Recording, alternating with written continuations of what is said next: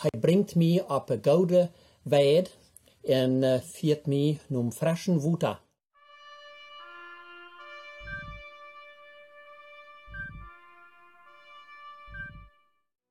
Hallo en welkom tot het programma Leven met God. Dit viermaal red ik over Psalm 23, vers 1. De Herr is mijn hoord, mij wordt, nicht, wordt het onnicht fehlen. Von der will ich reden über den zweiten Vers. Äh, er, bringt mich auf eine gute Weid und äh, führt mich num frischen Wutter. Er lässt mich beim frischen Wutter reiben. David hat äh, Weid seine Schub und hat so sehr lief und er geeft das Beste, was er bloß kann. Und äh, met de weid en frisches water en uh, de beschützen en so wieder. En so stellt hij zich voor dat Gott ook arm. Gott zijn hoort en hij Gott zijn schub. En zo zijn we aan Gottes woord uh, op vele steden met uh, schub vergleicht. Obwohl ein Schub nicht ein sehr kluges Tier ist, und sehr aufhängig von dem Hort, kann sich selbst nicht wehren für den Feind. Es äh, angewiesen auf den Schutz vom Hort. Aber wenn auch Jesus sich als Hort verglichen hat in seine Nachfolge mit der Schub, so wollen wir einmal äh, uns ein äh, bisschen die Eigenschaften von einem Schub verstellen. Ich habe gelesen von einem hoort wat zijn ene schroepweiden deed. En uh, hij zegt uh, dat uh, uh, schroep für die ist das Rühren auch sehr wichtig, in dat hij sich uh, zort vreten en sich doeleien en uh, waterkeven. En uh, daar moeten zij endlich Feierbedingungen erfüllt sein, dat een schub sich doeleicht en ruwen deed. En uh, het eerste daarvan is, de angst moet weg zijn. Wanneer een schub angst heeft, wordt zich dat niet toelaten. Wanneer een hondje zijn heeft, of een wolf, of irgendein wilde Tier, dan heeft dat angst. Oder wanneer uh, Spannungen unter die Schub sind. Je hebt immer so eine Schub auch, wat we willen dat uh, den besten Platz haben, und steigen de andere weg, en willen het uh, verste zijn en de andere moeten ramen voor deze. En zo, wanneer du in eine Uneinigkeit in ihrer Schub ist, dann können sie sich auch nicht durchleihen. Und drittens, wenn du fliehen oder megen irgend angeseffer in Schmarotzer sind. Schmarotzer sind so eine, so ein Eierseffer, was irgendwie in der Schub äh, geht oder vielleicht eine Näs oder eine Uhr und so, und du eher nennen leicht in die, wenn die Eier utkommen, dat dort sich dann von dort Schub selbst ernähren, der zum, zum äh, Waschen und äh, wiederkommen. Und so das wird sehr unangenehm. So dort macht auch äh, Besitz geschafft.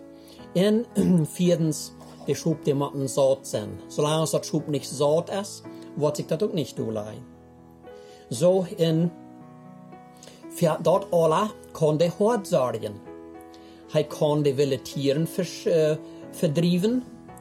Und wenn de schob den hård seinen und weiten, de hård haft de vilja tieren weiche jacht, dann sind sie ruhig. Oder auch, wenn das äh, Schub wird äh, steiten lädt, wenn dort den Hort sitzt, dann hielt es plötzlich ab. Dann ist es fein ruhig und alles geht gut. Auch für die Fliehen und schlechtet Eierseffer, da kann die Schub, äh, der Hort auch äh, irgendwo die, mit irgendeiner Salbe die Kap anschmieren und die äh, Schub vielleicht besprayen, so dass das Eierseffer weich bleibt. Viert dat op een goede weid, zodat zij zich zot vreten können. Und wenn dat Schub die reine Weid kriegt, dann haft dort alle Nahrung, was das braucht. Davon kann das gesund sein und sich gut feilen und äh, dort eben nichts nicht fehlt. Und so wie auch als Menschen. Wir machen auch, um, dass wir ruhig sein können, müssen wir auch äh, äh, angstlos sein. Und Jesus sagt uns, wir sollen all unsere Sorgen ab Arm schmieden. Er sorgt für uns. So, und er wird auch äh, für uns die ähm, irgendwie vor, er wird äh, uns sicher durchgehen und, und wird uns helfen. Und wenn Spannungen unter uns sind, und wir irgendwem äh, nicht gut vertrauen können oder sind, es sind Beleidigungen gewesen und so wieder. Jesus sagt, wir sollen uns untereinander vergeben, wenn du wir klärhaft über den anderen. So als Jesus uns vergeben hat, so soll wir auch der andere vergeben. In für die Fliehen in äh, schlechte Gedanken, Schmarotzer und so wieder, dort haben wir vielleicht verglichen mit äh, schlechten Gedanken. Wir merken die äh, Gedanken, was wir nicht sollen haben die merken uns so zu schaffen und die bringen uns so an Versuchung, dort hat eine große Not ist. Und wir können nicht wirklich ruhig werden. So, dort haben wir auch nur Jesus kommen und arm sein, er soll uns helfen, die Gedanken äh, weichzuschieben.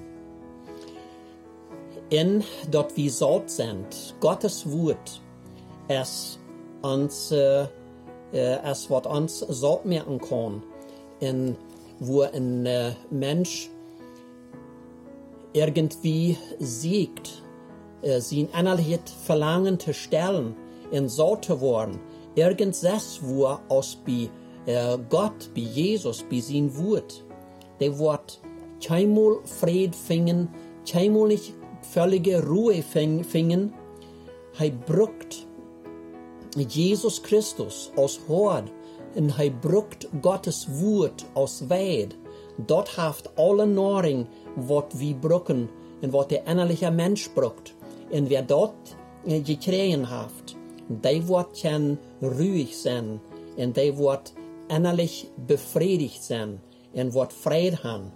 Und dann wird es heiten, so aus äh, in Psalm 4, Vers 9, dort sagt, ich will mich do leihen in einem Fried willst du schaffst bloß, wenn dort schaffst, bloß du haar, dort ich in Sicherheit wohn. In, dann, wann wir so sind, Jeremia, der sagt, ich wurde dort von der äh, Hüchtitsche und Plotitsche übersaten, also din Wort wie meine Speis.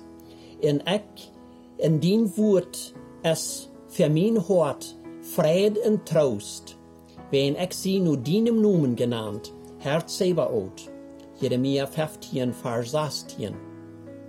So mocht wie Jesus aus Hort han en von am uns luten vieren, wo hei uns han vieren will, en dort wie nicht, er wird eh nicht siegen en ab falsche Städten uns versiegen innerlich zu befrieden oder uns so zu merken, wen dort wird nicht zum Golden sein in Jesus. Hij wordt ons op een goede weg vieren en hij wordt ons alles geven wat we werkelijk broken. Gott mocht ons zegenen. Amen.